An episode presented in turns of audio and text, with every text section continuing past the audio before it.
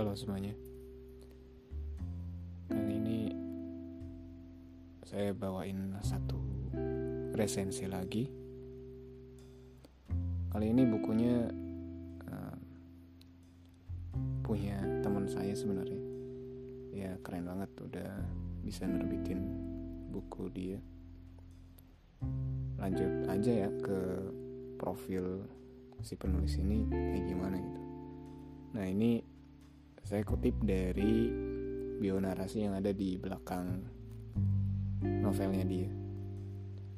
Seorang manusia, spesifiknya ia anak bungsu dari dua, dua bersaudara.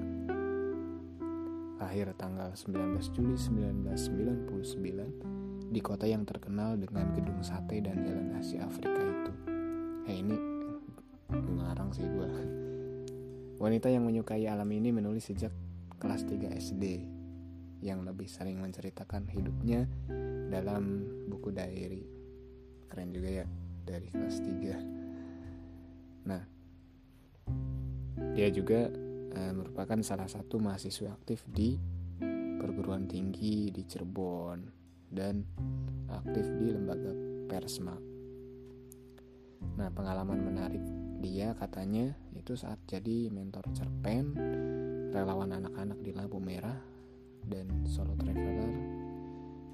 koordinator podcast, reporter kampus, sekaligus pencipta tokoh karakter Num dan Sem. Jadi teman-teman bisa temuin dia itu di podcast ya, itu Num Sawara. Itu cari aja udah banyak banget videonya, eh, videonya, uh, podcastnya, dan juga bisa juga di IG-nya sama namanya Num Sawara. Cuma nama aslinya adalah Elisa Juliani.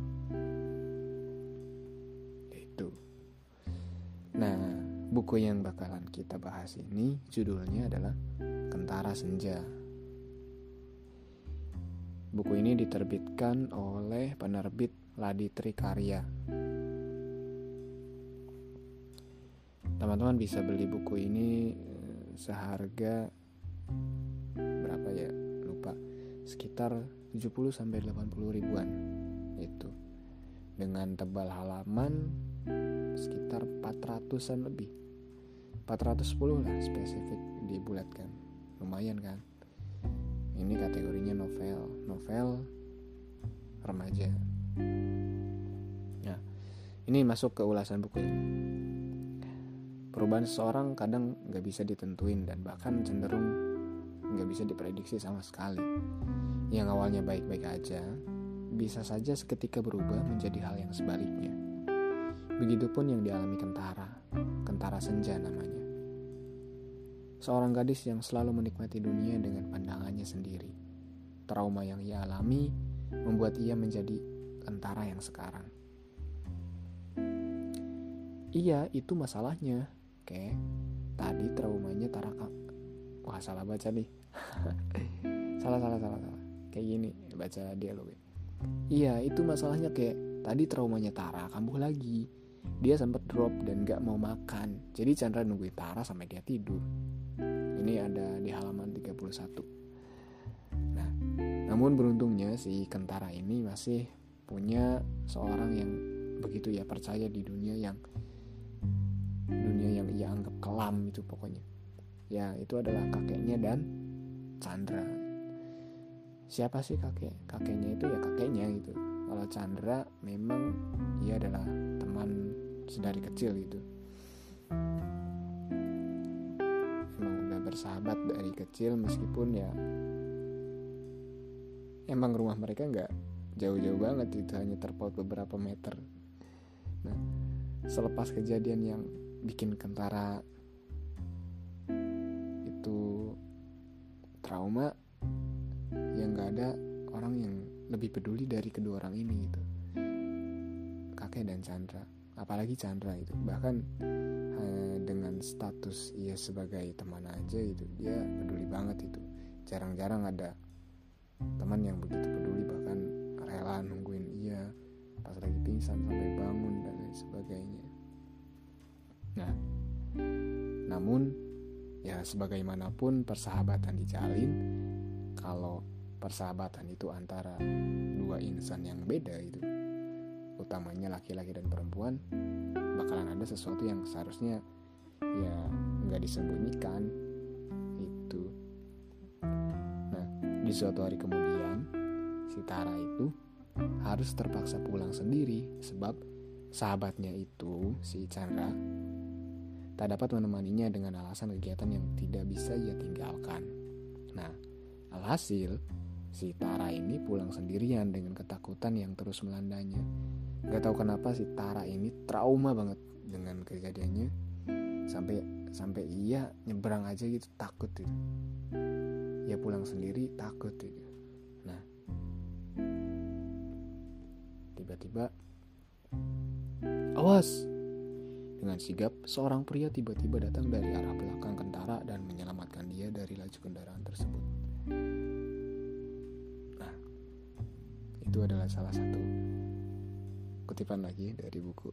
Nah, intinya intinya apa ya? Novel yang menceritakan kisah dengan latar usia remaja ini tersaji uh, ringan gitu, tapi mampu membuat pembaca terbawa di dalamnya alur yang dibawa tuh uh, cukup rapi dan terkadang bikin pembaca itu nebak-nebak gitu apa sih yang terjadi selanjutnya gitu. apa sih yang bakalan ada di sebab selanjutnya apa yang bakal terjadi apa yang bakal dilakuin Tara apa yang bakal dilakuin Chandra. Nah selain kedua tokoh yang telah saya tulis eh tiga ya tadi ya di atas ini saya baca sih dari web. Saya juga saya nulis resensi ini. Nah masih ada beberapa tokoh lain yang tentunya mendukung dalam cerita Kentara Senja di tiap bab pembaca akan menemukan hal baru yang mungkin gak disangka di bab sebelumnya. Entah tokoh baru atau situasi yang tak terduga. Dari segi bahasa ya saya kira cukup mudah dipahami ya dan enak. Apalagi untuk orang-orang yang mager baca tulisan novel yang katanya ah males nggak ada gambarnya. Coba deh baca buku ini. Nggak